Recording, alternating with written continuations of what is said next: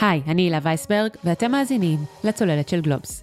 אחרי שבשבוע שעבר כינסנו במערכת גלובס שולחן עגול ראשון במספר, שבו התווכחו משפטנים על הרפורמה המשפטית שבפתח, שיש המכנים גם הפיכה משטרית, כינסנו במערכת שולחן עגול שני. זה קרה בסוף השבוע שעבר, ימים ספורים לפני הנאום של נשיא המדינה הרצוג, שבו קרא להידברות.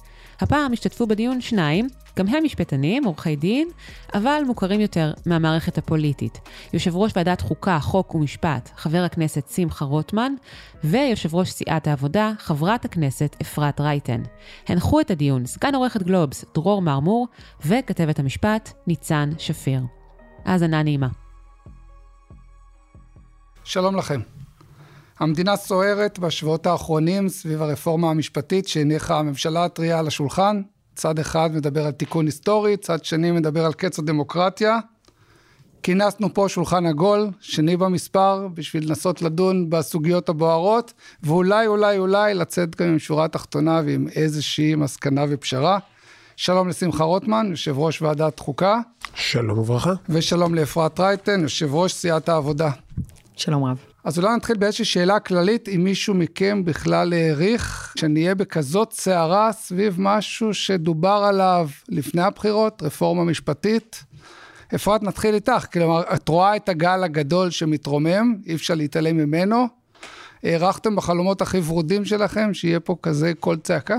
אני לא הייתי קוראת לזה חלומות ורודים, ברשותך. הייתי קוראת לזה דווקא חלומות שחורים. אני חושבת ששנינו מסכימים, אולי אה, שמחה ואני, ש... לא, אני לא מרוצה ממה שקורה כאן, אה, כמובן. אה, אני לא חושבת שיש ישראלי אחד שנהנה מהסיטואציה שבה אנחנו נמצאים. זה קשה, זה מטריד, יש אנשים שהם בחרדות אמיתיות, נוהגים ללגלג או להקטין את הביטוי קץ הדמוקרטיה ולהמעיט מה... מהתחושה ומהרגש, או אפילו מהתפיסה והשקפת העולם. אה, אני לא קוראת לזה קץ הדמוקרטיה, אני פשוט מדברת על ביטול או המעטה כמעט לאפס של, ה, של הדמוקרטיה כפי שהכרנו במדינת ישראל עד היום, דמוקרטיה ליברלית. ולכן, כן, אני חוששת אה, ביותר מהסיטואציה שבה אנחנו נמצאים, במיוחד גם נוכח העובדה שאנחנו לא מגיעים לשום... לשום שיח שהוא שיח אה, אמיתי, או שיח שבו מכבדים אה, אחד את השני, כדי להגיע לשתי המילים האהובות עליי, הסכמה רחבה. אוקיי, okay, שמחה, אז באמת, כמו ששמענו, הדאגה היא אמיתית. מזה לא נוכל להתעלם, ואתה רואה אותה, כלומר, אתה תוכל אולי כן או לא לשכנע מישהו שאתם צודקים, אבל יש בחוץ יותר ויותר אנשים שדואגים באמת. אני חושב שיש איזושהי הטיה בסיסית בלנסות להציג את זה כ... אנשים שדואגים אל מול אלו שצודקים. א', כמובן שאני מאוד אוהב להיות בצד הצועק, הצודק ולא בצד הדואג, אבל במקרה הזה זה לא, אני, אני גם דואג וגם צודק. אמ, ו, והדאגה קיימת אה, בכל הכיוונים. אה, רק שלדאגה מסוימת אה, לא ניתן מקום מספיק. ודאי לא בשיח הציבורי, ודאי לא לאורך השנים. זאת אומרת, אני חושב ש... אה, הדאגה אה, שאני מקבל כל הזמן, אה, בצורה מאוד מאוד חזקה, ואני כמעט לא מקבל להדים או ביטוי בתקשורת, זה דאגה שזה לא יקרה בסוף. דאגה שנפספס את ההזדמנות ההיסטורית. דאגה שנהיה עוד פעם בסיטואציה של ימין שהצביע ימין וקיבל שמאל, או לא קיבל את מה שהוא בחר בו. ואני יכול להגיד סתם אנקדוטה נורא קטנה, אנחנו, אנחנו אה, מקליטים אה, את, את, את האירוע הזה יום אחרי שהיה דיון בוועדת החוקה, וכאן היה כתוב, פרסמתי את הלו"ז השבועי ופרסמתי מראש, ידעתי זמן, ככה מתכננים הצבעות בכנסת, רשמתי, ייתכנו הצבעות על יום רביעי ועל יום שני שלאחריו. ומראש תכננתי את לוחות הזמנים, אני יודע. אמרתי, אם יצליח רביעי, מה טוב, אם לא, שני, לא נורא. ו... ובסופו של דבר, יום רביעי באה האופוזיציה, עשתה מה שהאופוזיציה יודעת לעשות טוב, צעקה, צעקה, לא נתנה לדבר, בסדר גמור, לא נורא. מבחינתי לא קרה שום דבר, גם הם באו בבוקר, אני אמרתי שבוא נקדים את שעת הישיבה לשעה שמונה, הם צעקו, לא, שמונה, סוף הדמוקרטיה, יהיה שלג, לא היה שלג, דחינו בשמונה וחצי, בסדר גמור. כמות ההודעות אני לא אומר נאצה, כי ברוך השם, אה, אני, לא מקבל כבר הודעות נאצה, כי, כי יש איזה אמון בסיסי שאנחנו מתקדמים. גם זה משהו חדש. אבל כמות ההודעות המודאגות ממש, שאומרים, אתה דחית את ההצבעה מיום רביעי לשני, אתם לא מתקפלים, נכון? אתם תלכו עם זה עד הסוף. זה לא יהיה כמו הפעמים הקודמות, שדיברו, דיברו ובסוף לא עשו. דאגה כנה לא פחות מאותם אנשים שדואגים שכן עושים משהו. אבל רגע, תתייחס לצד השני, אתה יודע, בכל זאת עשרות אלפים ברחובות, כל יום אתה חוטף על הראש משפט, אה, מכתב של אנשים מכובדים וראויים. שדואגים, שמזהירים, שחוששים. אני לא מגיע עד למחוזות שאומרים שהם ירדו מהארץ ויפסיקו לשלם מיסים, אבל זה אמיתי וזה קורה. אני, אני לא אמרתי, ש... לא, שוב, לא אמרתי שזה לא אמיתי. וא', שם... הערכת? כלומר, שאתה נכנסת בוודאי, כזאת? בוודאי, בוודאי. לא רק שהערכתי, אמ, אני חושב שזה טבעי. שוב, אני חושב שהמחאה, אמ, אה, מחאה, הדאגה, מקיפה הרבה פחות אנשים ממה שהיה ניתן לחשוב אלמלא עם, עם, עם הגיבוי התקשורתי שהיא מקבלת. כלומר, אמיתית, יש פה ניפוח אדיר של כל מכתב בעד ומכתב נגד, אבל אתם יודעים, אני רוצה לספר לכם משהו מאוד מעניין שקרה לי היום בהקשר הזה. ניגש אליי אדם, לא משנה מאיפה, אומר לי, שמחה, אתה מכיר אותי מאיפשהו? אה, בסדר גמור. מרצה באחת מהפקולטות למשפטים בארץ. הוא אומר לי, אל תדאג, רובנו איתכם. הם לא, הם לא מצליחים לגייס הרבה חותמים. מרצה למה? מרצה למשפטים. הם מצליחים לגייס מעט, רובנו איתכם. אז אמרתי, לא הבנתי, רובכם, למה אתם לא מכינים אה, מכתב נגד? כאילו, בסדר, טוב לא יפה, הם, מתארג, הם מתארגנים, תתארגנו גם אתם. אבל אז... זה כמו בתכנון ובנייה, יש התנגדות, אין תמיכה. בדיוק. בסוף. לא, אבל זה אחד. אבל מה שהוא אמר לי זה משהו אחר. הוא אמר לי, אני ממש דואג. אני אכתוב מכתב, יכול להיות שאחר כך יפגע לי בקידום, יעשו לזה, יסתכלו עליי ככה, יסתכלו בצורה משונה, אני מפחד. ואתם בסוף תתקפלו. אתם הפוליטיקאים בסוף לא תספקו. אז אני נשכבתי על הגדר, ואתם לא תדרכו עליי בדרך לעשות את היד, מסיבות שאני בכלל אפילו לא מבין. לא רוצה. לא רוצה. עכשיו, זו דאגה, אז עזוב, עזוב את זה שיש אנשים שהם בדאגה שפרנסתם תיפגע אם הם יחתמו על מכתב תמיכה ברפורמה שרוב העם תומך בה. עכשיו, זה לא משנה, כמו שאתה אומר, לא משנה אם הדאגה הזאת אמיתית או לא, היא דאגה, היא דאגה אמיתית וכנה. אבל מעבר לזה, ממה הוא דואג באמת? הוא דואג שאנחנו, הפוליטיקאים, נבחרי הציבור של הימין, לא נספק את הסחורה, ואני לא יכול להגיד שלאור ניסיון העבר זו דאגה אה, שאין לה בסיס, ולכן הוא גם לא יוצא, כי הוא אומר, למה שאני אשים את, ה, את הצוואר שלי מתחת לגרזן, כשבסוף אתם תברחו. זה דאגה, זה חשש אמיתי כן, כן, לא פחות. אז למעשה אתה מתעלם מכל המכתבים? אבל רק עוד שנייה, אם, אם אני יכולה רגע להגיד, כן. ברשותכם. כן, זה אפרת, את נורא נכבדה, אני הייתי בטוח שנראה לא, פה אני... את הדיונים בוועדה, לא, ובסוף חברים, את, בוא... אני רואה אותך נטענת ונטענת ולא עונה. אני לא, אומר ככה, אני, ראשית, אני אומר את זה לחיוב, זה בסדר. לא, נכון, כי מה שראית פה זה גם איך אני מתנהגת בוועדה, ב-90 אחוז מהזמן. ולכן, גם כשאני שומעת עכשיו את שמחה בא ואומר, האופוזיציה באה בשביל לצעוק, אז הנה, יש לכם דוגמה שזה לא בדיוק מתנהל ככה. אני חושבת ש... אני שומעת את דבריו של שמחה, וגם אני חיפשתי לשמוע את המקום שלו, מתבונן בצד השני, מתבונן ואפילו שומע שאני מדברת על הסכמות רחבות, אבל מה אני שומעת? אנחנו לא נתקפל. זה מה שאני שומעת. שאתם מקבלים תשובה, שאתם מקבלים מהציבור את הפנייה ללא להתקפל. כשאתם נמצאים בסיטואציה כזו, שבה אתם משדרים החוצה, אנחנו לא נתקפל, לנו זה ברור מאליו, אתם לא רוצים לדבר.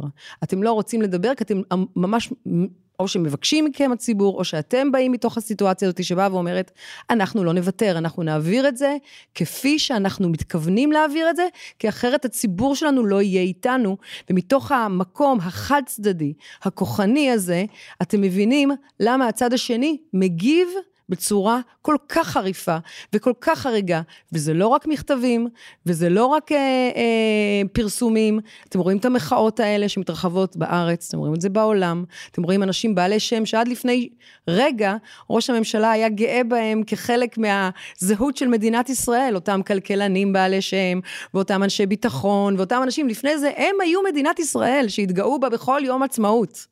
פתאום הם הפכו להיות צבועים פוליטיים, אויבים, לא מבינים, אה, מפחידנים וכאלה, וזה דבר שרק גורם פה עוד ועוד להתרחקות בין הצדדים, ולא יכול ולא יכולה להיות בכלל איזושהי שיחה או שיח בין הצדדים. אם לא תראו, ואגב, כן, אני חושבת שבמהלך השנים היו הזדמנויות לעשות כל מיני שינויים, וצר לי שהם לא נעשו. אני אומרת לכם את זה בצורה מאוד מאוד ברורה. ואני מסתכלת על ההצעה שלכם היום, כפי שהיא, גם אם היא תשונה פסיק פה ופסיק שם, היא רחוקה שנות אור מאותה הצעה, אפילו של יעקב נאמן, של ועדת נאמן ב-2004, שבאה בצורה אחראית, שבאה עם הרבה מאוד תמיכה כוללת של הרבה מפלגות, שבה גם, על, גם עליה היו, היו התנגדויות, אבל תראו אותה, את המקום הזה של שר מהמשפטים, איש חובש כיפה, פרופסור למשפטים, שבא עם אחריות כוללת כדי לעשות רפורמה אמיתית, שמכניסה כבר עכשיו גם את חוק יסוד החקיקה, ויודעת גם להגביל את הכנסת, ויודעת לעשות את התמונה הכללית השלמה המלאה ביראת קודש ובאחריות על שלמות העם ושלמות המדינה. ומכם אנחנו לא מקבלים את זה.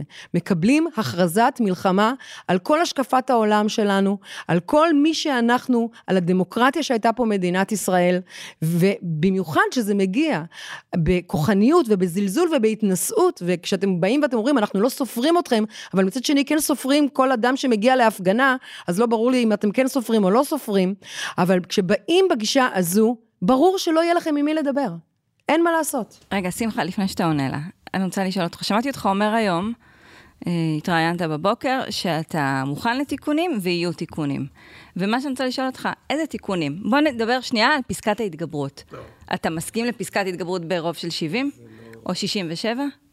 אגב, אני, אני אכניס פה בכל זאת מה שאמרת קודם, הציבור תומך, אנחנו רואים שזה, אנחנו עשינו את הסקרים שלנו, בפסקת ההתגברות, לפחות כשנוגעים בה, 61 מבהיל אפילו את הציבור שלך. אני חייב לומר אה, שאני די בהלם. אני לא דיברתי, לא דיברתי על כוחנות. אני לא דיברתי על אה, זלזול, אני לא דיברתי על התעלמות. אני לא דיברתי על אה, נתפשר או לא נתפשר, פשוט לא התייחסתי לדברים האלו. יכול להיות שהייתי צריך להתייחס או לא, אבל לא אמרתי, לא, לא...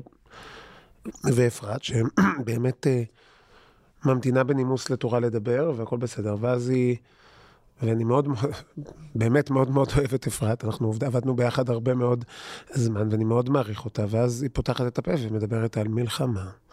ואני עדיין, אה, עוד, עוד עדיין מנסה להבין כמש"ק דת איך אני אתמודד עם זה שהיא בונה צבא. ו... אל ו... תדאג, הצבא, שאליו התכוונתי, ואחר כך גרם לזלזול ול... אה, ולהקטנה או ללעג, הוא בדיוק מתכוון להתארגנות הזו. אז לא צריך לקחת את זה למחוזות, אתה יודע שרק לא, אה, מלבים פה ש... את האש. וכן, אתה רואה את ההתארגנויות האלה. בשבילי זה חשוב מאוד. ההתארגנויות אני... זה מה שהיה חסר, אגב, לנו בבחירות האחרונות. אז אם הדברים לא היו ברורים, הנה, אני שמה אותם על דיוקם. אני, אני חושב ש... אני אפילו לא אמרתי, מה שנקרא, ירדתי לרזולוציה של פרטים של אה, דיונים. למה? אלא, שנייה, למה? כי אני לא, א', אני לא חושב שזו דרך נכונה להתנהל. אמ, אתה לא מתחיל, אחת הדבר, סיבות שבגללם אה, אה, אמרנו שאנחנו מוכנים למשא ומתן, אבל בלי תנאים מוקדמים, זה כי לנהל משא ומתן, שאתה בא מתחילת המשא ומתן וכבר אומר שמה שאתה רוצה לעשות, הוא לא באמת. זה, זה, זה גם פרקטיקה מאוד גרועה של ניהול משא ומתן, אבל זה גם, זה גם באמת לא אמיתי. אני, אני, אני חושב שאפשר, ובהחלט צריך להגיע להסכמה רחבה. אני לא חושב, גם יריב לוין אמר את זה. זה לא חידוש בכלל בעיניי שצריך הסכמה רחבה, אבל... זה אבל... נשמע שזה הסכמה רחבה על ההצעה שלכם, לא, לא. שלך. לא. לא הסכמה רחבה אני, על משהו אחר. אז דבר ראשון... ולכן השאלה, שני, אם אפשר להתייחס לדבר דבר, ואם יש איזשהו מקום שנייה, לתזוזה מבחינתך. אבל, אבל, אבל כשמדברים על הסכמה רחבה, קודם כל צריך לזהות על מה מסכימים ועל מה לא מסכימים. אם, uh, למשל, שוב, כמו שאמרו אנשים, אם אני מזכיר שמות, אז uh, אני אקטע, אז אני לא רוצה להגיד, להזכיר שמות, uh, אפרת. uh, uh, אנשים מהמחנה, המתנגד, הפוליטי. אה, אמרו, ואמרו את זה גם בוועדה, זה אחד המשפטים שהכי חוזר על עצמו, בין אם מדובר באנשי יש עתיד, או עבודה, או זה. אומרים, מה אתה... על מי אתה, על מה אתה מתמם? תיקון מערכת המשפט, קראתי לתוכנית אה, להליך העבודה בוועדה, ציון במשפט תיפדה.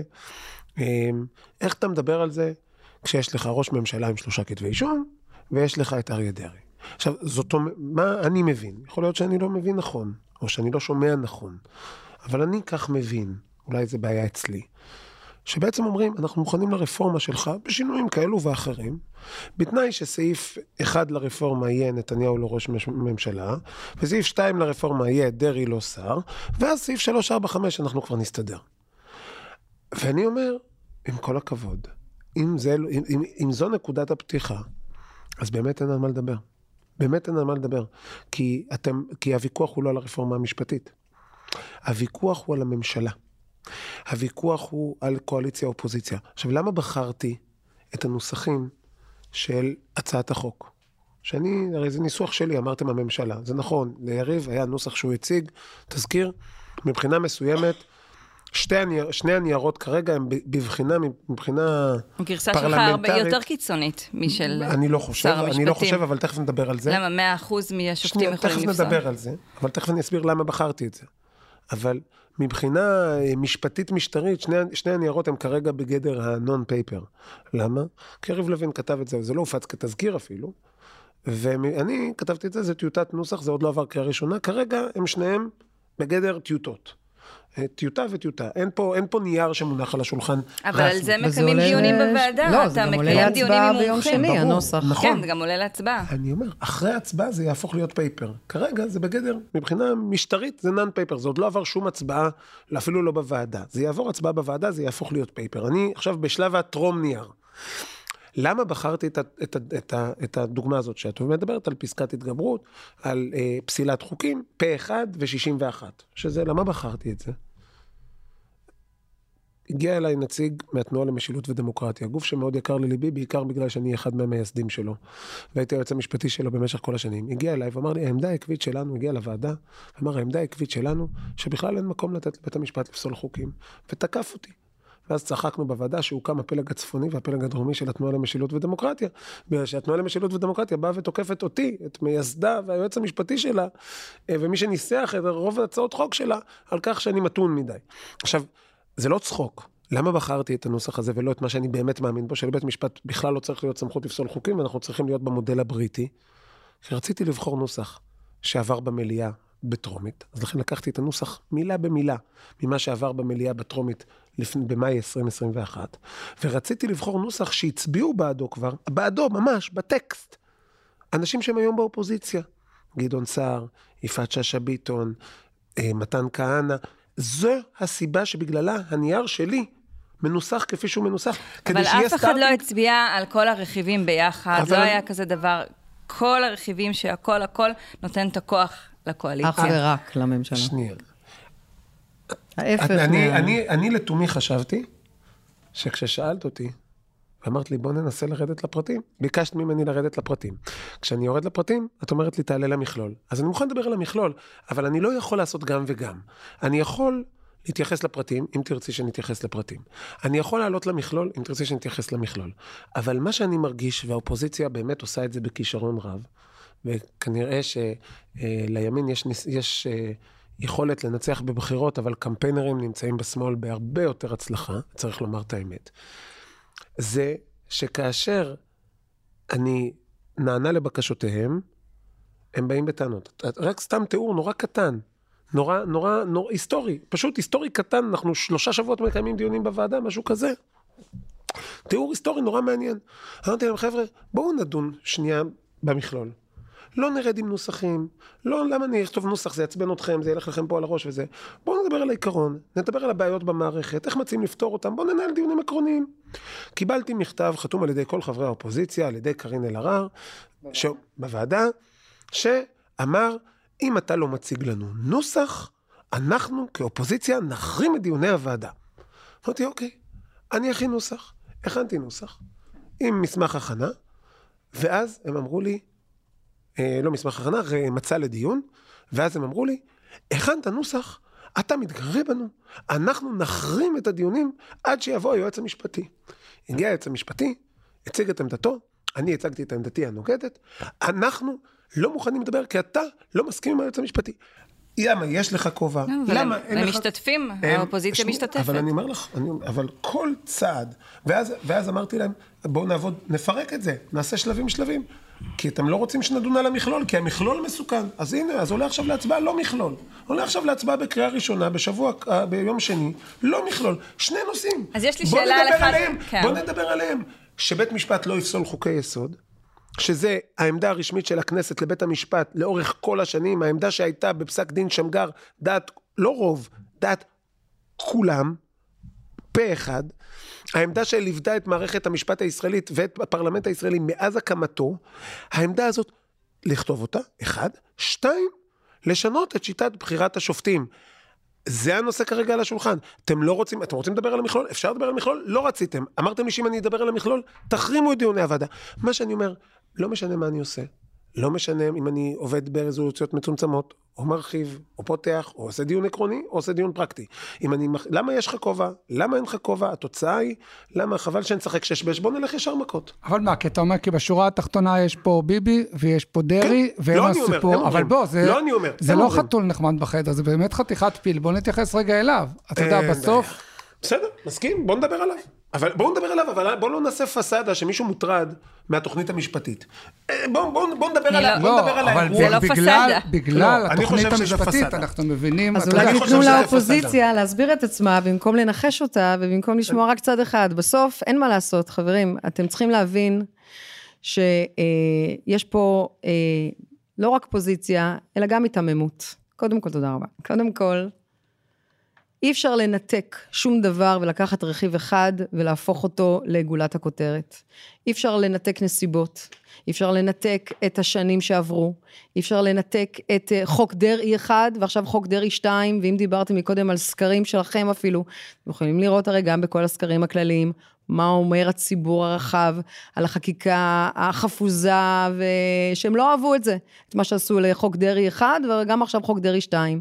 אי אפשר לנתק את כל הנסיבות כולן, אי אפשר לנתק את ההרגלים, לא, לא רק את ההרגלים, את הכללים שהיו במשך שנים ארוכות בכנסת, ויושבי ראש ועדת חוקה אחרים לא מכירים התנהגות כזאת שיש היום בוועדת החוקה של לבוא ולעשות דיונים בלי שיש הצעת חוק על השולחן, ובלי לשמוע ולקבל את היועצים המשפטיים של הוועדה, שבסוף היועצים המשפטיים, המשפטיים של הכנסת הם נבחרו במכרז, הם אמורים להיות uh, עצמאים, הם אמורים לשמור על האינטרסים הכלליים של כולם, ולבוא ולבטל אותם, ולבוא ולהקטין גם אותם, וגם את היועצים המשפטיים של הממשלה, וגם אותם לכנות שמאלנים, או לכנות uh, פוליטיקאים, או אליטות, או כל דבר אחר, כדי לבטל את המקצועיות שלהם, זה דבר שהוא חמור והוא חריף. זה בעצם קריאת תיגר, גם על כל מה שהכרנו קודם לכן, על כללי המשחק, וגם בעצם על השיטה כולה. ואי אפשר, אה, ניצן, לקחת רק בתור דוגמה ולנהל משא ומתן על פסקת ההתגברות.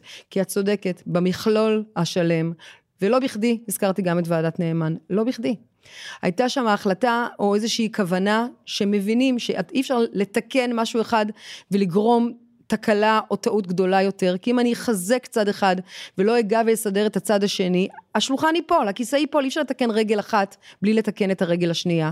אי אפשר, זה לא יעבוד, ולכן כשרק מחלישים לחלוטין את המערכת המשפטית והופכים אותה לפוליטית בדיוק, אפילו על, על, ה, על שתי ה, שני החוקים שמג, שמגיעים בשבוע הבא, הפוליטיזציה של הוועדה לבחירת את רואה שופטים. משהו שאפשר לשנות זה דבר בוועדה? שהוא אסון מבחינתנו, ושוב, אני אומרת, אפשר להמשיך להתעלם ולהגיד שאנחנו מגזימים, ואפשר לבוא ולהגיד אתם לא מבינים, ולקרוא לנו בכל מיני שמות.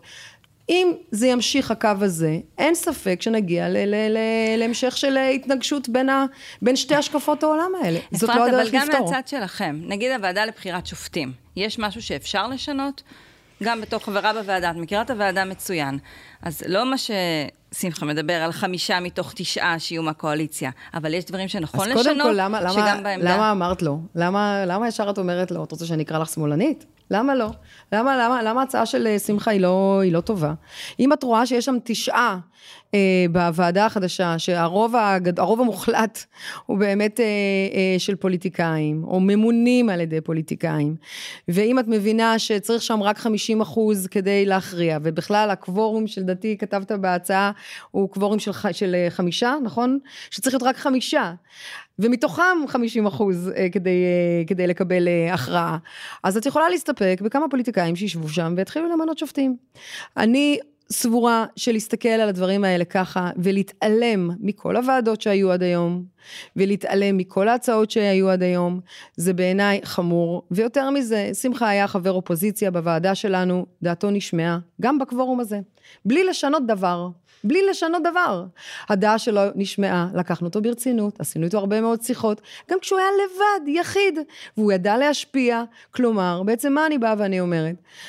אני בעמדה של עצמאות, אוקיי? שאנשים יקבלו החלטות ממקום של עצמאי וממקום של מקצועי, במיוחד כשזה מגיע לוועדה לבחירת שופטים. כשיש לי נציגים של כנסת, ממשלה, אה, רשות שופטת ומקצועיים, אה, מה שנקרא איזשהו ארגון מקצועי, שזה יכול להיות לשכת עורכי הדין, ואפשר לשנות את זה, יכול להיות שיהיה נציג אחד מהלשכה ואולי מהאקדמיה, יכול להיות שאפשר לעשות איזה שהם דברים אחרים, אבל לבוא ולקחת את המקום הזה שבמקום לטייב את השיטה, להפוך את הוועדה לפוליטית, מה עשינו בזה? הרי אנחנו רואים בכל המדינות שבהם הוועדות הם יותר, אה, או בתי המשפט הם יותר פוליטיים, דווקא אמון הציבור הולך ויורד. זה הולך ויורד. ועכשיו יבואו ויגידו, אבל גם, גם האמון הציבור אה, במדינת ישראל, אה, במערכת המשפטית הולך ויורד. זה נכון, כמו גם בשאר המוסדות וכמו בכל העולם, זה לא חריג. ועדיין האמון הציבורי בבית המשפט הוא הגבוה מבין כל המוסדות. ברור שמהכנסת, שלדעתי זה, זה עשרה אחוז, או במפלגות, כמובן בממשלה. זאת אומרת, זה הרי אבסורד, אני, אני אומרת, הרי כל ילד שאתה תשאל אותו את השאלה הזו, האם לתת לאנשים שלא, ש, שלא מאמינים בהם, הציבור, לתת להם עכשיו כוח מופרז כדי למנות אנשים שכן מאמינים במערכת, זה נראה לכם, זה לא נראה אבסורד? זאת לא, אני חושבת שצריך לעשות פה שינויים בשיטה, וכן, התחלנו לעשות את הדברים האלה, גם בוועדה לבחירת שופטים. אה, נגענו בנקודות של שקיפות, ונגענו בטיוב המערכת, ובמרכז הערכה, והאם, אה, איזה גיוון ואיך גיוון, ואולי אפילו יזרוק פה לחלל האוויר, אולי צריך להיות בכלל איזשהו מדרג ראשוני של שופט, אולי הוא צריך להיות אה, רק כמו באיזה פיילוט, איזה שנה, שנתיים, שלוש, במיוחד אם הוא בא כעורך דין ואין לו, ואין לו ניסיון בשיפוט. אפשר לטייב ולעשות את ה... הליך עצמו, שיהיה יותר טוב, יותר אמין, יותר יעיל, וככה אני בטוחה שיחזור האמון הציבורי, כי גם כעורכי דין, אני כעורכת דין ליטיגטורית שהייתי, ניהלתי כל כך הרבה הליכים, אחד הדברים שהכי שיגעו את הקהל שאני ואת הלקוחות שאני הצגתי, היה חוסר היעילות. היה הימשכות ההליכים, חוסר בתקנים, הרבה דברים שבסוף המסה של התיקים זה לא בבית המשפט העליון, זה בשלום, זה במחוזי, במקומות אחרים לחלוטין, שמה צריך לעשות דברים הרבה הרבה יותר נכונים וטובים לטובת היום יום של, ה, של האזרחים. אני בטוחה שאם היינו יושבים, שמחה ואני, גם היינו מוצאים את הפתרונות לדברים האלה, אין לי ספק.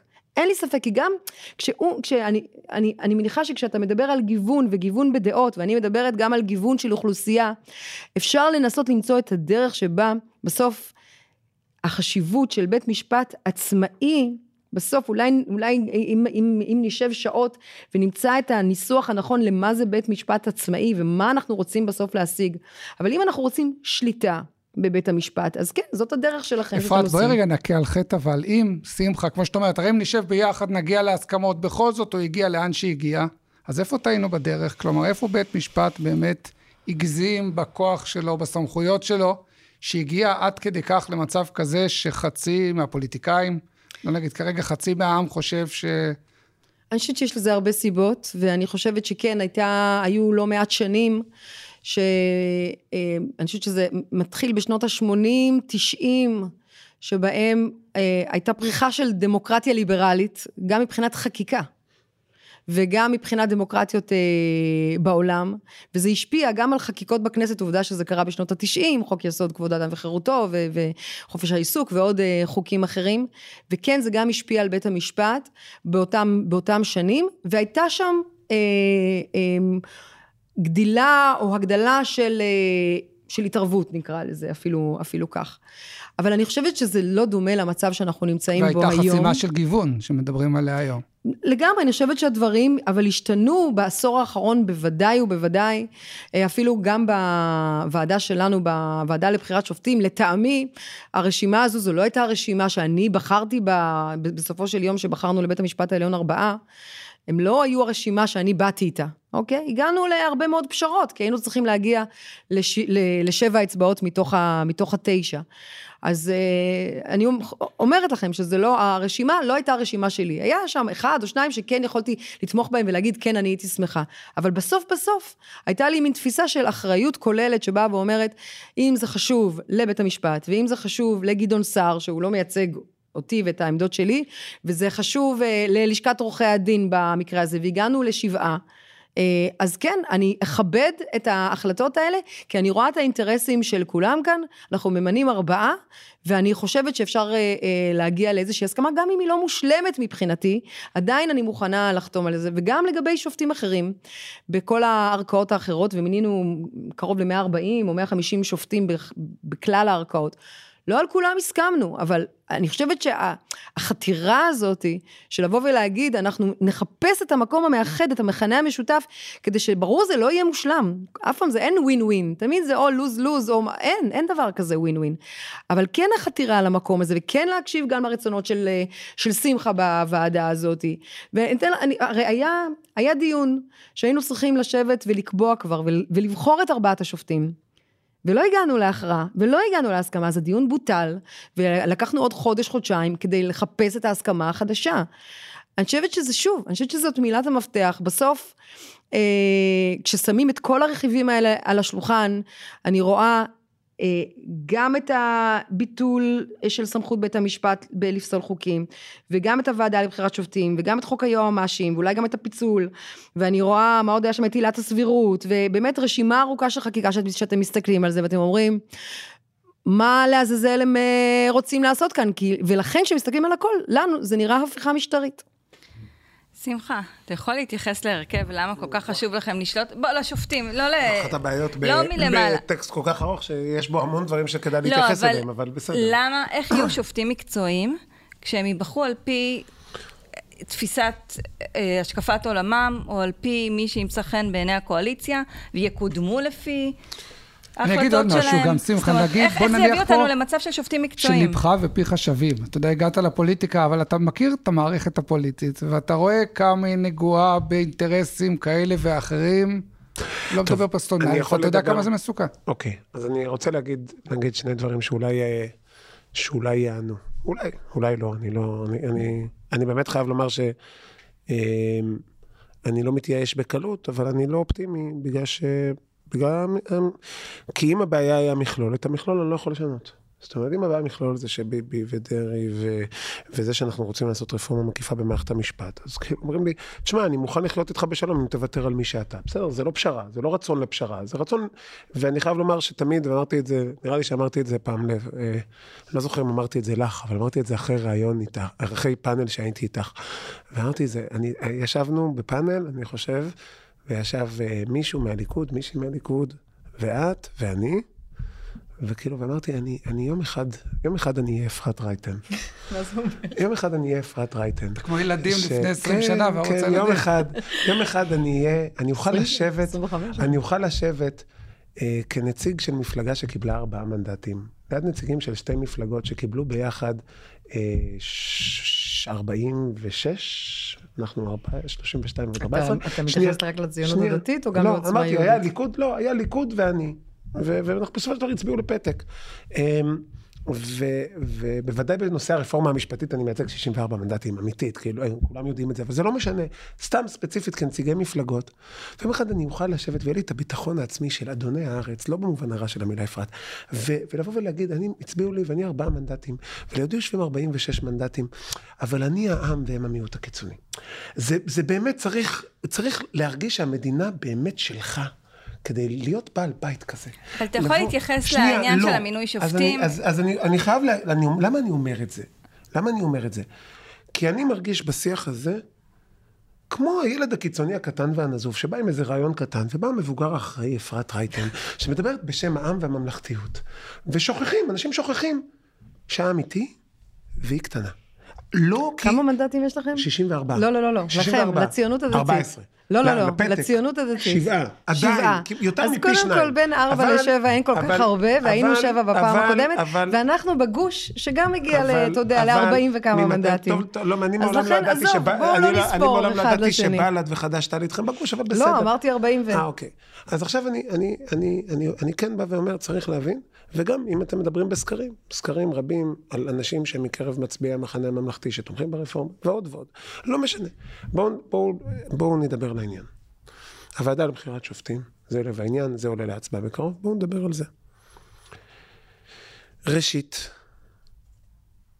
ברוב המוחלט של העולם, מי שבוחר את השופטים, בוודאי לערכאה העליונה, הם נבחרי הציבור. בחלק מהמקומות זו רק הממשלה. הרבה מדינות, לא אחת ולא שתיים. רק הממשלה, בלי שום פרלמנט שמעורב, רשות אחת, הממשלה, הרשות הביצועית בוחרת את השופטים. כך זה בקנדה, כך זה באירלנד ועוד ועוד.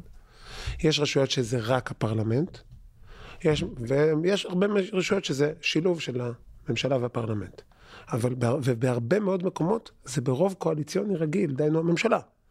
אין, זה לא רוב הצבעה בפרלמנט, יש מקומות גם אבל שזה זה הפוך. עדיין לא עונה על השאלה. שנייה, רק רגע. עכשיו, אם הנחת המוצא ששופט שנבחר בדרך הזאת הוא לא שופט מקצועי, זה אומר שאין בעולם שופטים מקצועיים, כמעט. יש שלוש מדינות, ארבע מדינות בעולם שיש בהן שופטים מקצועיים. אגב, בהם בדרך כלל לא נותנים להם את הסמכות לבטל חוקים, אבל, בסדר, זה, אבל זה האירוע הנדיר. ואני אומר לא, נבחרי ציבור יודעים לעשות בחירות מקצועיות. ומפה אני מגיע ל, ל, ל, למה שאפרת דיברה על הרכב הוועדה. היינו ארבעה פוליטיקאים בוועדה. אה, עודנו אגב, לא, כאילו שניים התחלפו, אחד התחלף, לא משנה. היינו ארבעה, היינו ארבעה אה, נבחרי שני שרים ציבור, שני ח"כים. שרים ושני ח"כים. אה, הקואליציה השלטת הייתה גדעון סער, איילת שקד ואפרת רייטן. האופוזיציה הייתי אני.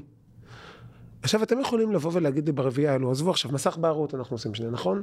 לא הייתי מספר לכם איזו ממשלה הוקמה בפעם הקודמת, איזה פיגול של ממשלה הוקמה באמצעות חוק יסוד ממשלת חילופין, שזה באמת אחד... זה התו- אחד לפני. אח... לא, גם אתם הייתם ממשלת חילופין. אבל לא בגלל אחת, ה- אחת התועבות המשטריות שהייתה במדינת ישראל זה חוק יסוד ממשלת אגב, חילופין. פה אנחנו מסכימים חוק יסוד ממשלת לגמרי. חילופין. כן, לגמרי. כן, תכף נדבר על זה גם מילה אם תרצי, אבל אז לא הייתם יודעים מי הקואליציה, מי האופוזיציה, איך יצביע כל גורם, ואכן, להפתעתי הבאמת רבה, במינוי השופטים לבית המשפט העליון, הצביעו ש... חבוקים, אה, שלובי זרועות, גדעון סער ואיילת שקד לא, עם לא אפרת נכון. רייטן. לא בכל ה- לא בכולם. לא, אה, בוא- לא בוא בכולם. היא לא הצביעה איתנו בהכל. לא בכולם, אבל בחלק גדול מהשופטים. ואני הייתי היחיד שמתנגד. אז אם היית מספרת לי לפני שלוש שנים, את יודעת, אתה נותן כוח לקואליציה, בוא נניח שהיינו מוציאים החוצה את נציגי השופטים ועורכי הדין, והיינו אומרים, בוועדה יש ארבעה אנשים, שני, שני שרים, שני חברי כנסת, אחד מהקואליציה, אחד מהאופוזיציה, רוב של שלוש נגד אחד נגד הקואליציה. ואז הייתי אומר לכם, כן, אתם יודעים, אבל מי שיהיה שם מהקואליציה, יהיו גדעון סער, איילת שקד ואפרת רייטן, ובאופוזיציה יש שמחה רוטמן, הייתם אומרים, "שים, מה, מה עישנת? זה לא עובד. זה לא היה, זה לא היה עובד לאף אחד בראש, ולכן התזה, כאילו הקואליציה, זה זה אגרוף ברזל שפועל כאיש אחד בלב אחד, מקבל רמז מההוא וישר ממנה את מי שהוא רוצה, ואין מחלוקות, והיא עצמה אומרת, היא הייתה בקואליציה, איילת שקד לא הצביעה איתה. על, על חלק מהשופטים, אני לא, הייתי... אבל אתה בעצמך מדבר על זה שנבנה פה איזשהו אנדרוגינוס מוזר שלא רוצים לא שיקרה. לא, לא. רק רגע, לא, אבל לא בגלל ממשלת החילופין. עכשיו, בדרך כלל, ברוב הממשלות שהיו, היו בהם כל מיני גורמים. עכשיו, אם אתה מכניס ואתה מגדיל את הנציגות של הקואליציה והאופוזיציה, אגב, אין, אין בחוק נציגות אופוזיציה, בממשלת החילופין הראשונה לא היה נציג אופוזיציה, אבל אתה מגדיל, ואני קובע בחוק היסוד נציגות לאופוזיציה בוועדה. ואני אומר, בסופו של דבר יהיו שישה נבחרי ציבור בוועדה, שלושה שרים ושלושה חברי כנסת. הם ייצגו שש מפלגות בכ- בכנסת. אבל יהיה- הם יכריעו, כי הם הרוב והם יוכלו לבחור. רק אחד מהאופוזיציה מתוך אבל ה- אני- כן. לא הבנתי, אני, אני, אני מנסה להבין איפה, באיזה, איזה פנייה לא נכונה לקחתי בדרך, שבמדינה דמוקרטית באים אליי בטענות על זה שהקואליציה מכריעה, ולא האופוזיציה. מי אנחנו רוצים שיכריע? הקואליציה? אז מה דמוקרטיה הבעיה עם זה לא רק עכשיו? שלטון אז. מה הבעיה עם לא עכשיו? הבנתי, אז- מה הבעיה עם עכשיו? כי זה בדיוק זה. כי עכשיו מי שמכריע, עכשיו יש, יש שיט, שיטת, אה, מנגנון מינוי מאוד מאוד מעניין במדינת ישראל. שכאשר הימין מנצח בבחירות, אז הוא לא יכול למנות שופטים ימניים. כאשר השמאל מנצח בבחירות, הוא ממנה שופטים שמאלניים. זה האירוע. אתה חושב שגדעון אה, סער ואיילת גדעון שקד סער הוא לא הצביעו ל... שמאל. הרגע אמרתם שזה הליך אז מוזר, זה מה לא שאני הבנתי, כשזה. מוזר, כשזה מוזר אז זה מוזר, כשזה... לא, אז בואי להפך. תלכי, אז בואי תלכי. להפך, תלכי, סליחה. אני לא הייתי מרוצה עד הסוף. אה, אה, אף אחד לא היה מרוצה עד הסוף, ואתה יודע שלמי שיש הכי הרבה כוח בוועדה הזו, זה לשר המשפטים. טוב, אה, אפרת, אני באמת הקשבתי בקשב רב לדברים שאמרת, והאלה רשמתי לעצמי נקודות בראש, כי באמת היו המון נקודות, ואני אומר, התזה לפי הקואליציה פועלת כאיש אחד בלב אחד, והיא לא מגוונת, היא פיקציה. הדוגמה מה- מהקודמת היא אחת אבל מהדוגמאות. אתה לא יכול להשוות אה, את הממשלה עכשיו לממשלה הקודמת. למה? כי היא? הייתה מימין אה, שמאל, עכשיו לא זה... הבנתי, לא הבנתי. לא, שמחה, בעצמך אמרת. שפעם שעברה נוצר איזשהו מודל אז בוא. נלך עוד אחורה, לא הבנתי. בוא נלך עוד אחורה. הם כמעט אף פעם הם לא אותם, לא, כל הנציגים הם מאותה מפלגה, אין דבר כזה. עכשיו, כשאלה לא אותם מאותה מפלגה, יש אינטרסים וגישות אחרות. המחשבה כאילו במדינת ישראל, הקואליציה... עכשיו, בוא ניקח דוגמה, אמרו לי, זה, ניקח דוגמה מארצות הברית. אמרו לי, בארצות הברית יש איזון, זה הנשיא והסנאט, והם נבחרים בדרך אחרת וזה, ואז אתה מגלה שכדי למנות שופט, המקרה הכי נפוץ הוא שהסנאט והנשיא הם מאותה מפלגה. דהיינו, או שממנה שופט דמוקרט, או שממנה שופט רפובליקאי. ככה זה עובד. והאמון חברים, הציבורי אה, שם, על הפנים, אז את לא רוצה רגע, ארצות אז הברית. בוא- בוא- אז את בוא לא רגע-. לא, רגע נחזור, שנייה. לא, אוקיי. שנייה. אז את לא רוצה ארצות הברית, ואת לא רוצה קנדה, ואת לא רוצה אירלנד, ואת לא רוצה שוודיה, ואת לא רוצה נורבגיה, ואת לא רוצה אוסטרליה, ואת אבל לא בואו רוצה ניו תספרו זילנד. לי, אז בואו תספרו לי. שניכם, רגע. אבל אל שמחה. לי שאני הולך להרוס את הדמוקרטיה. אני אגיד לך למה, בוא רגע, נחזור רגע, מילה, אני אבל אגיד אני לך, רוצה לשאול אתכם, רגע, שאלה מקדימה, שתתייחסי פשוט גם לזה. אשכח, אני אוקיי, בטוח אשכח. אני יודעת, אני מכירה את עצמי. בסוף, אה, אה, לקחת דוגמאות מכל מיני מדינות, הרי אני יכולה לבוא עם דוגמאות משלי, והוא יבוא עם דוגמאות משלו, לא נצא מזה, לא נצא מזה. כי על כל, על, כל מה ששמחה אומר, גם אני יכולה להגיד לא, ההפך. אז חכי, אז אני לא, מרים. אבל אני אגיד דבר כזה. למה להשוות למדינות אחרות בואי לא בכלל? נשווה. בסוף אנחנו מדינה ייחודית, אנחנו מדינה יהודית. לא, אבל הסכמנו אין שמשהו עוד פה לא מדינה עבד טוב. כזו, אין עוד מדינה אבל כזו. אפרת, גם את שיבחר הזכרת השופט שמשהו שאנחנו פה לא מדינה עבד. טוב. שזה? לא- אמרת? שמשהו לא עבד אמרתי? טוב. אבל לא שמערכת לגבי- המשפט אבל לא- נדרשה לתיקונים. כן, אבל שים לב, שמתי את הדגש שלי על התהליך, שמתי את הדגש שלי להקשיב לצד השני ולראות איך אנחנו יכולים למצוא פה את, ה, את עמק השווה. ושוב נתתי כדוגמה, לא איילת שקד ולא אה, גדעון סער, ייצגו שום דבר מבחינת האידיאולוגיה הפוליטית שבהם אנחנו, שאנחנו, ועדיין ועדיין הסכמתם הגענו. למנות שופטים ביחד, כי היה לכם אינטרס פוליטי ועדיין לעשות את זה. הגענו ל- ל- לאיזשהם הבנות, ואני אומרת, ל- ל- להתחיל להשוות, האם אנחנו דומים לקנדה, ללוקסמבורג, לארה"ב, אז בכל דבר שהרי טענה, אני אעלה טענת נגד, אז להם יש חוקה ולנו אין, להם יש שני בתי זה, לנו אין. בואו, זה לא נצא מזה, תמיד יש מלא מלא מלא טיעונים. אז זה מה שאני רציתי לשאול, שמחה, ואני אשמח גם מה תתייחסי. בואו נחזור רגע לשיעורי אזרחות לצורך העניין. מדברים על הפרדת רשויות באמת כעיקרון על. לתת כוח לממשלה במקום הכוח המוגזם שהיה לא, לבית אתה משפט, לא- לא זה גם לך, לא פתרון. סליחה, לא אתן איפה לך. הכנסת בסיפור לא הזה? לא אתן לך. אתה מקשיב למה שאני אומר, ואז שואל שאלה כאילו לא דיברתי. תשאל אותה ישר את השאלה, כי השאלה שלך אומרת שמה שאני אמרתי עכשיו לא נכנס לאוזן, לא שלך ולא של המאזינים. שמעת מה שאמרתי? אני לא מקבל את התזה, אז אל תשאל אותי על בסיס התזה שאני לא מקבל. אתה אומר בצורה מאוד פשוטה וברורה, שמה שאתה לא מקבל את התזה שלי, אז תגיד, שמחה, אני לא, לא, מקבל את התזה, אני אל רוצה תשאל שאלה. לשמוע את המודל. שלך של הפרדת לא הרשויות עכשיו. וכוח לא שאלת את האיזונים. בין שלוש לא הרשויות. שאלת שאלה עכשיו. אתה קבעת קביעה עכשיו, שאומרת שמה שאמרתי קודם, פשוט לא נכנס אליך לאוזניים. זה בסדר, יכול להיות שלא הסברתי את הדברים שלי כמו שצריך, אבל לא שאלת שאלה. הממשלה לא ממנה שופטים. זה לא, הצע, זה לא ההצעה, זה לא כתוב, זה לא רמז. הרוב הקואליציוני, שנבחר על ידי הציבור, ימנה שופטים. כן, זה, כך עובד, עכשיו, שנייה, כך עובדת כל מדינה דמוקרטית כמעט.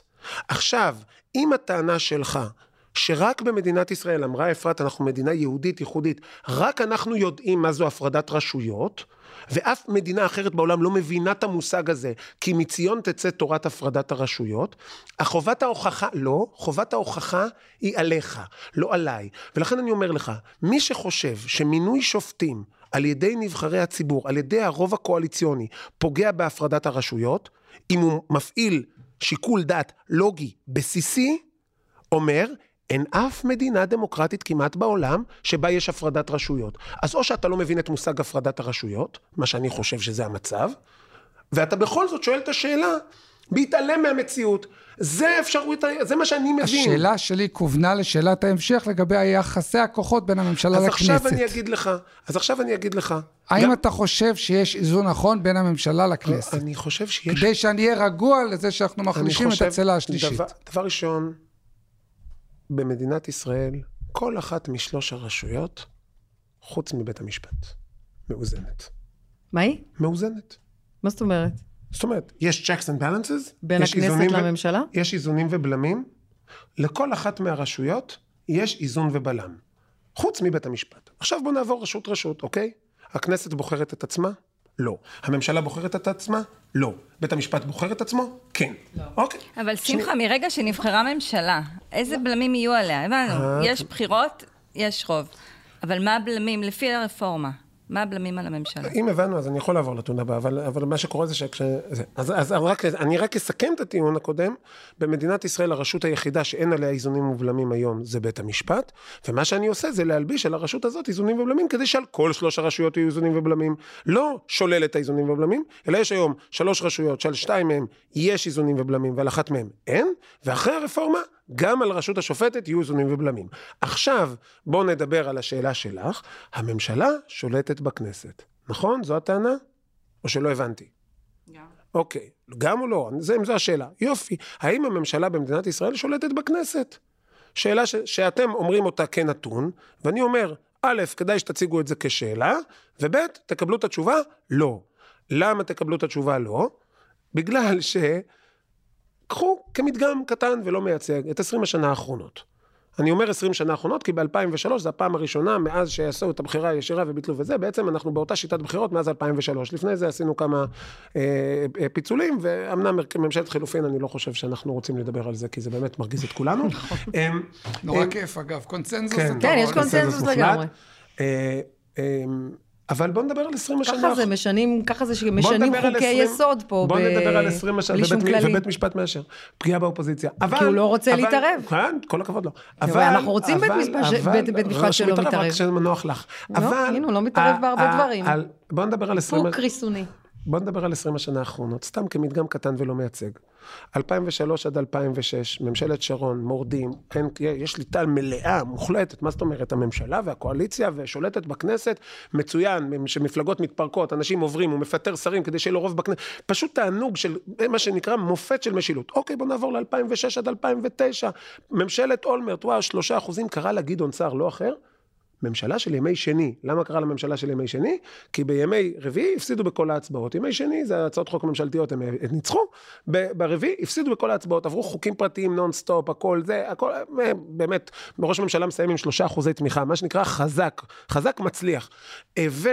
אה, 2009 עד 2013, 2012, 2009 עד 2013, יש לכם ממשלה נפלאה, מי ששולטת בכנסת, אה, המפלגה שהקימה היא לא המפלגה הגדולה בכנסת, אגב, נתניהו, לא המפלגה הגדולה בכנסת, הוא מייצר קואליציה סופר משונה של מביא, מביא את אהרן ברק שפורש, עצמאות, עניינים, נכנס, אה, שלי יחימוביץ', בוז'י, אני, זה, הכל, הכל לגו, מתחלף ההרכב הקואליציוני כמה וכמה פעמים, הכל כדי לשמר קצת יציבות, כמובן לא ממלאת את ימיה, אותה ממשלה נורא נורא חזקה ויציבה, ואז מוקמת ממשלת ברית האחים הנפלאה, שבה נתניהו לא מצליח לעצור אפילו את חוק ישראל היום.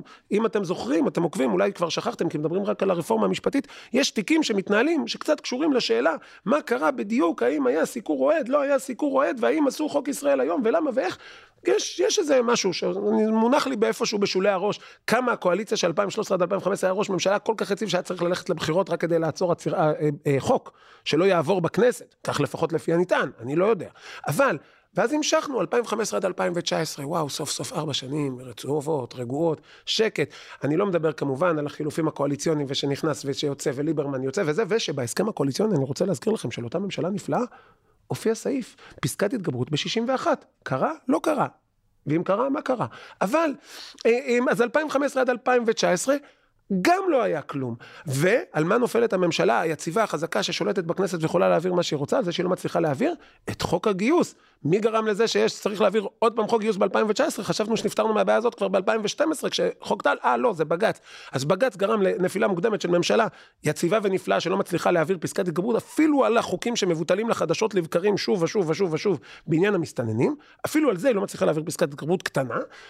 ואז סוף סוף נכנסנו באמת, מה זה?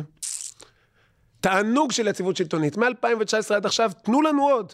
עוד יציבות שלטונית של ממשלה ששולטת בכנסת. בוודאי הממשלה האחרונה, שבכלל, וואו, רק, רק השמות שנזכיר על הממשלה האחרונה. רבותיי, לא היה ב-20 שנה האחרונות יום אחד שאפשר לומר שהייתה לנו ממשלה חזקה ויציבה ששולטת בכנסת ללא מצרים. כל שבוע בכנסת משא ומתן קואליציוני. פעם זה בעצימות גבוהה, פעם זה בעצימות נמוכה. מי שטוען שבמדינת ישראל הממשלה היא כל יכולה ושולטת בכנסת ומה שראש הממשלה רוצה להעביר עובר בקלות ומגסים לו רוב של 61, אני לא רוצה לשלוח אותו להשוואות בינלאומיות, אבל הוא בוודאי לא חי בישראל. והרפורמה המשפטית תחזק את המשולש הזה? אני חושב שהרפורמה המשפטית תחזק את המשולש הזה, כחלק גדול מחוסר היציבות השלטונית, נובע באמת, כמו שאמרנו, מפסיקת בג"ץ. ו- ולמשל, אה, חוק הגיוס, שמייצר חוז אי יציבות כבר 30 שנה, נושא גיוס חרדים, ברוך השם, בג"ץ כמו ילד טוב, כל פעם שהאימא ואבא בהליכי הגירושין רבים, ואז כל פעם הוא מחמם אחד על השני, כי אולי הוא רוצה לקבל הרבה מתנות אחרי הגירושין. אני לא מצליח להבין את זה. כל פעם שמצליחים להגיע להסכמות כלשהן בחברה הישראלית, כולל חוק גיוס שמצביע בעדו יאיר לפיד. בית משפט אומר, לא, יאללה, תריבו שוב, נורא כיף לי שאתם רבים, תמשיכו, תריבו עוד קצת, בואו נשפוך עוד קצת מים, תריבו, תריבו, אולי גם תתגרשו בסוף ויהיה לי שני בתים, אני ארוויח. מה זה הדבר הזה? זה מה שבית שמחה. המשפט עושה לחברה הישראלית. הקרע בעם לא מטריד אותך? הקרע בעם נגרם כתוצאה מהמעורבות המשפטית בכל סוגיה. איך את לא... זה מה שאמרתי עכשיו, זה המשפט הסיום שלי. אבל יש קרע בעם עכשיו סביב הרפורמה. אבל יש קרע בעם סביב זה. אני, אני, אני אוהב לדבר בדוגמאות, נכון? זה כיף? נדבר עוד דוגמה. הם נמנעו. הם נמנעו. או הם היו היחידים שנמנעו מהמפלגות ה- שאפשר לקרוא להן ציוניות. חוק האזרחות. חוק האזרחות בכנסת הקודמת. קודמת. חוק האזרחות בכנסת הקודמת, שבעה חודשים הכנסת במריבות, לא מצליחים להסכים, שולחן זה שולחן, כיסא זה כיסא. לא מצליחים להסכים על כלום, יום, לילה, מה שאתם רוצים, מריבות, או, מכות. מכות אשכרה פיזית, אני אפילו חטפתי מכות מה, מהיושב ראש, כי רואים את זה, יש וידאו. כן, הוא בא ככה, רק המאבטחים הצילו. ו... ויש מכות, עצבים, אטרף, כולם רבים, כיסאות עפים באוויר, כמו חוף כנרת ביום, אחרי מסיבה. לא מסכימים על כלום. שבעה חודשים הכנסת רועשת וגועשת על כך שחוק האזרחות לא עבר. שבעה חודשים. אלו קוראים לאלו תומכי טרור, אלו קוראים לאלו מסכני ביטחון מדינה, אתם אופוזיציה מופקרת, אתם קואליציה תומכת טרור, טה, טה, מריבות, צעקות, לא מצביעים, כן מצביעים, אתם זה, אתם רימיתם, אתם גנבתם, אתם שיקרתם, אתם פה, אתם שם. יושב בן אדם, אוהב ריב ומדון כמוני, ומצליח להגיע לבאמת אירוע, אני, אני לא יודע, כל הכוכבים הסתדרו, באמת אני לא יודע איך זה קרה לי, באמת, בלי סייעתא דשמיא אני לא מבין מה קרה שם, ובאמת הצלחנו לגבש, לגבש שם הסכמות שבסופו של דבר מרץ והערביות הצביעו נגד, העבודה נמנעה, כל שאר המפלגות תמכו. וואלה יופי. מגיע לי פרס נובל קטן לשלום, אם אפשר, פסלון קטן מזהב על האירוע, לא? אבל, מה, מה בג"ץ עשה עם החוק היפה הזה? שהיו שם פשרות, חלק מהדברים רם בן ברק דרש, אני הכנסתי, אני ויתרתי, הוא עשה, היה ויתורים הדדיים, הגענו להסכמות, היה האוזר, פשרת האוזר, בהקשר אחר. זאת בוטלה. לא, פשרת האוזר ראשונה בוטלה, פה היה פשרה טובה דווקא. עשינו שם עבודה יפה, אני חושב, אם יורשה לי, if I may say so myself. מה בג"ץ עשה? אומר, אתם זוכרים שתיים, שלוש, סעיפים שתיים, שלוש, ארבע, חמש, בבקשה להצעת החוק, בואו, תריבו שוב, לא רבתם מספיק. עכשיו נראה לך שעכשיו תבוא אליי אפרת ותגיד בוא נעביר חוק אזרחות חדש, תוותר לי פה, תוותר לי שם. אני אומר לה, בחיים אני לא מוותר לך על כלום. על, על מילימטר אני לא מוותר לך. מה, אני אוותר לך כדי שאחר כך בג"ץ יכריח אותי לוותר עוד? בוא אז ניתן- מה- בוא אז- ניתן לאפרת להתייחס, הרמת לה שואלת- טוב את. שואלת מה זה שסע חברתי ופוליטי? תודה רבה בג"ץ. תודה לבג"ץ. אז בג"ץ אשם. ודאי שבג"ץ אשם. ש- ברור שבג"ץ. זה... אגב, אני אגיד לך משהו, ניצן. אני, אגב, לא מזלזלת במה ששמחה אומר. זאת מבחינתם התחושה, ואי אפשר לזלזל בזה, כמו שהייתי שמחה שלא יזלזלו בתחושות שלנו. ויש. לא מעט דוגמאות. זה לא רק מה ששמחה אמר, אפשר לא לחזור הרבה באמת 20 דוגמאות. שנה. בוא לא נעשה משנה, הם. דוגמאות אבל אני לא מכוננות, לצורך העניין. מזלזלת, כתבתי ספר אני מהדוגמאות. חושבת שאנחנו יכולים להתווכח על הפרשנות שניתנת לדברים ששמחה אומר עכשיו, גם על חוק האזרחות, כבר דיברנו על זה בכל מיני פאנלים, אז אין לי, אפילו לא, לא בא לי לחזור על הדברים, כי זה בכלל לא העניין. תספרי להם שאנחנו מחזירים אנחנו, פאנלים. כל הזמן אנחנו, יש לנו הופעות בקיבוצים ביחד. אני אומרת... פותחים קופות בקיסריה. בסוף, בסוף כל הסיפור הזה, כדי ששמחה ימכור ספרים, כדי שתהיו בפאנלים, אני כבר מבין. תתחילי גם את לכתוב ספרים, תלמדי אני אפרת. הולכת להוציא את הספרי, אה, אתה יודע, תגובה לכל הספרים שלו כשיהיה לי זמן. אבל עזבו, זה באמת, שמענו הרבה דברים, ואני אומרת לכם, אני שומעת אותו ואני מכירה את שמחה כבר, אנחנו, היו לנו הרבה מאוד שיחות. ויש שם באמת כאב, ויש שם באמת אה, ביקורת, ויש שם באמת אה, דברים אמיתיים שבאים לו מבפנים. אגב, אצלו... להבדיל מאחרים שאני בקואליציה הזאת, שאני חושבת שהסיבות שלהם והמניעים שלהם אחרים, אוקיי? אצל שמחה, אני מאמינה לכנות של דבריו, שהוא עושה את זה מתוך מקום של אמונה אמיתית, שגם אה, אה, מצוי בה או, או מוביל אותה הרבה מאוד שנים, זה לא פתאום עכשיו, אוקיי? וצריך להתייחס לזה מאוד מאוד ברצינות ובכבוד, גם אם אני לא מסכימה איתו לחלוטין. ובאמת שיש בינינו, אה, אנחנו רואים את המציאות, את המציאות בצורה פשוט שונה מאוד מאוד. אה, היו, היה עכשיו, אפילו שמעתי את כל ההסבר שלך לגבי כל השנים האחרונות, וחוסר היציבות, וכל הדברים האלה. הכל טוב ויפה, ואפשר להתייחס לכל דבר ועניין, אבל לא ענית בסוף לשאלה של ניצן. ומבחינתי, כשאתה מסתכל על הוועדה לבחירת שופטים, ועל הפוליטיזציה כן שיש שם, ותהיה שם, כי גם היום, כי גם היום יש כוח פוליטי מאוד גדול בוועדה לבחירת שופטים, והנה נתת כדוגמה, אני ואיילת וגדעון, בסוף היינו שייכים לאותה קואליציה, למרות הבדלי הגישות והאידיאולוגיות בינינו, ונאלצנו להגיע להסכמה, כי רצינו בשלומה של הקואליציה שלא תיפול. רצינו להביא הסכמים והסכמות לקואליציה ולתת לה את הקיום שלה. נו, ומיניתם שופטים מושחתים בגלל זה? ואותו הדבר, ואותו הדבר, לא, ולמה, ולמה לא מילינו אה, שופטים מושחתים? כי היה לנו את נציגי אה, בית המשפט העליון. הם שמרו עליכם מעצמכם, אחרת לנו, הייתם ממנים. תראה, בסוף זה באמת איזונים ובלמים. ולכן כשאני חוזרת ואני אומרת כאן, שיש כאן כמה וכמה גופים שמשרתים את האינטרסים שלהם ואת האידיאולוגיה שלהם ורוצים להגיע להסכמה, זה המתכון. זה המתכון. מבחינתי, כשבחרו בי בבחירות חשאיות, אני לא יודעת אם אתה משאיר את זה או לא משאיר את זה עכשיו במסגרת הרפורמה החדשה משאיר, שלך. משאיר לכם לבחור איך תבחרו את הנציג שלכם. את מה, לא באופוזיציה. מתערב, אני לא מתערב לשמאל איך הוא מחלק את הקולות שלו. באופוזיציה, אבל תשים לב מה אתה עושה אפילו. אתה דווקא לוקח את הכוח מהכנסת.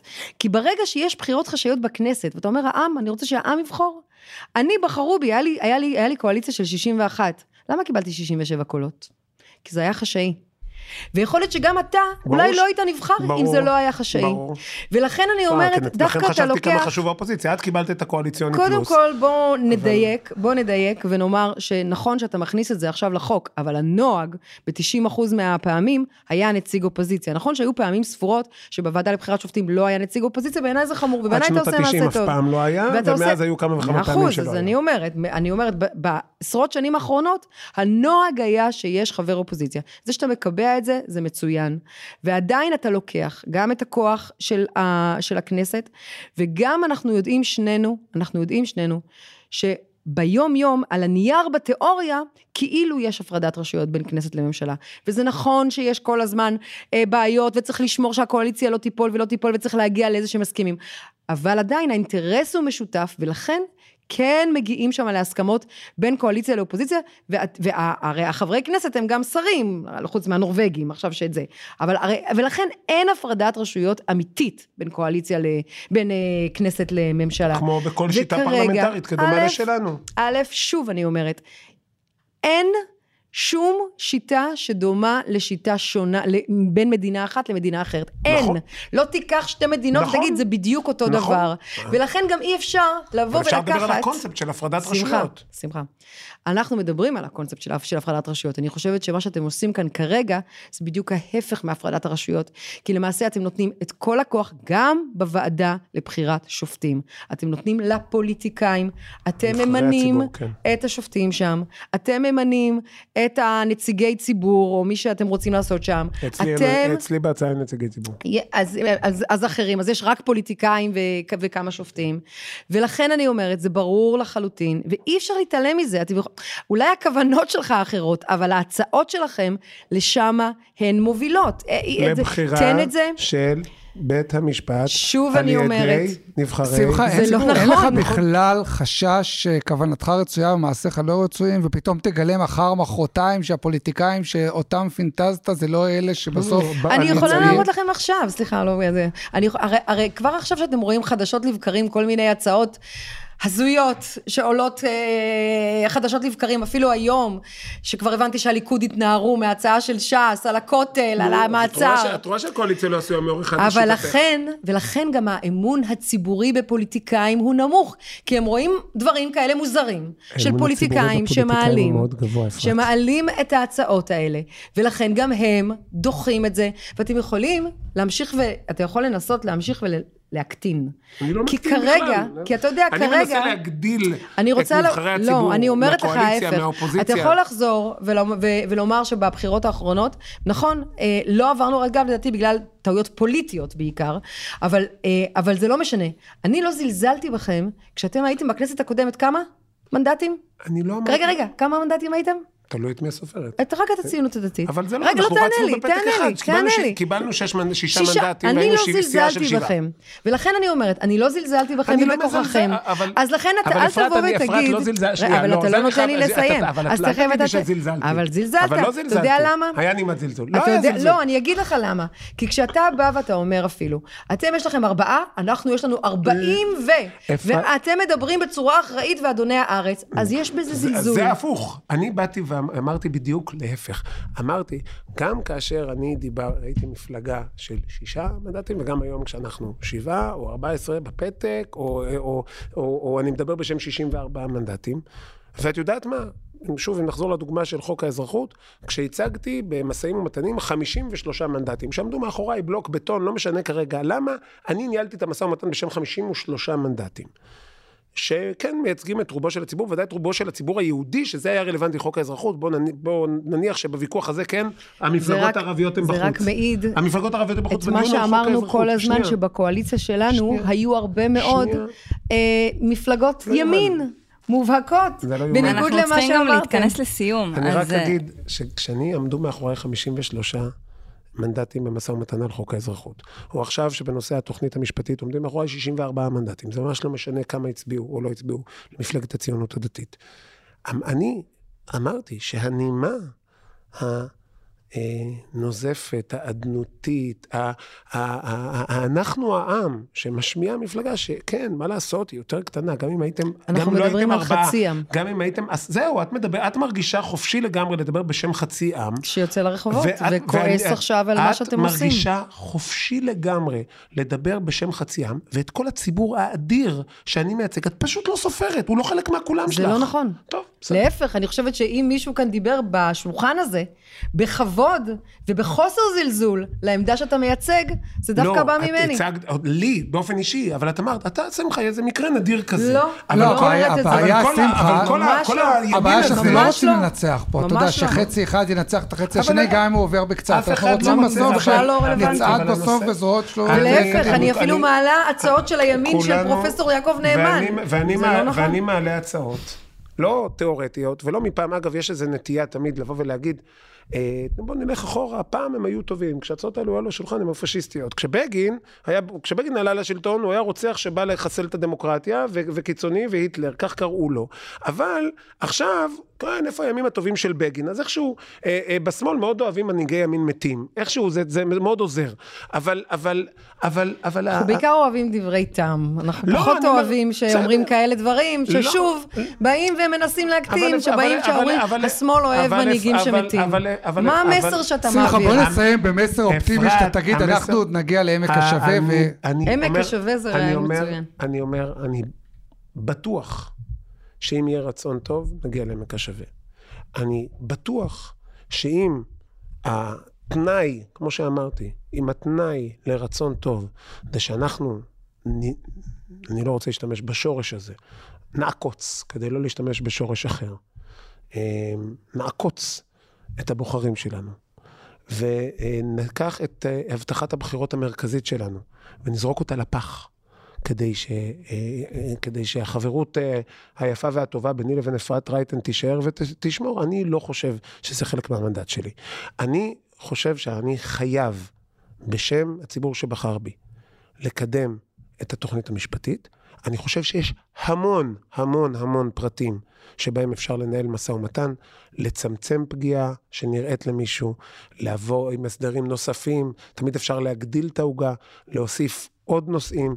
יש המון דרך אם רוצים לנהל משא ומתן בלב פתוח ובנפש חפצה, אבל אם התנאי פתיחה למשא ומתן, כמו שרבים ממנהיגי המחנה שאפרת שייכת אליו מדברים, זה... אה, אה, הם פרסונליים, יש התנגדות פרסונלית בגלל ביבי ודרעי, וואלה, את זה אני לא יודע לפתור, ואני לא מתכנן לפתור. אז אני לא... ואני גם לא רוצה לפתור. אז אני לא נוגעת, אה, לא באישוז, מה שנקרא, של אה, דרעי ונתניהו, למרות שיש לזה מקום של כבוד, במרכאות, גם בדיאלוג הזה, אבל אני ממש ראית שלא דיברתי על זה בכלל. אני רק, לא, אה, אני רק. שואלת, מבחינת החקיקה, אה, ברור. מבחינת החקיקה של חוק יסוד, עניין מקצועי, זה לא עניין זה פוליטי, הרי. כמה זה קל או לא קל לשנות חוקי אה, יסוד.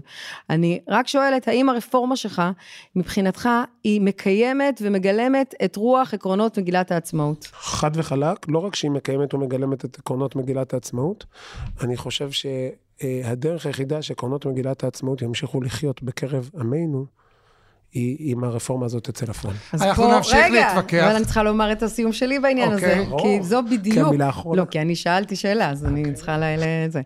כי, כי אתם הבנתם גם מתוך השאלה, שהואיל ואין שם אה, לא את הערכים הדמוקרטיים, ולא אפילו לא את ערך השוויון, שרוב המפלגות פחות אה, מתחברות לערך הזה, מבחינת מפלגות הקואליציה, מבחינתנו זה ברור לחלוטין, ולא רק אני, ואני לא מייצגת את עצמי, אלא באמת הרבה מאוד אנשים שחתומים היום על מכתבים, שמביעים את דעתם, שמב- שמביעים את דעתם במחאות, אפילו ראשי מדינות אחרות מעבר לים, כולם דואגים שזה מהעולם. כבר לא יהיה החלום הציוני. טוב, אנחנו רק נחזיק אצבעות מכתב שנמשיך שקיבלתי. לחיות ביחד, גם אני אוקיי? קיבלתי מכתב. המון המון מעטפות עם מכתבים קטנים ששמו בפתק. תודה רבה לשניכם. תודה רבה. ובהצלחה לכולנו. בסוף אנחנו כולנו צריכים להמשיך להסתדר פה זה ביחד. נכון. תודה. תודה רבה תודה לכם. רבה. עד כאן שולחן עגול שני במספר בנושא הרפורמה המשפטית. עורך הסאונד הוא ניר לייסט. נתראה ביום חמישי בפרק נוסף, יותר שגרתי של הצוללת, וגם הוא אגב, יהיה בנושא הרפורמה/הפיכה משטרית. אני הילה וייסברג. ביי ביי.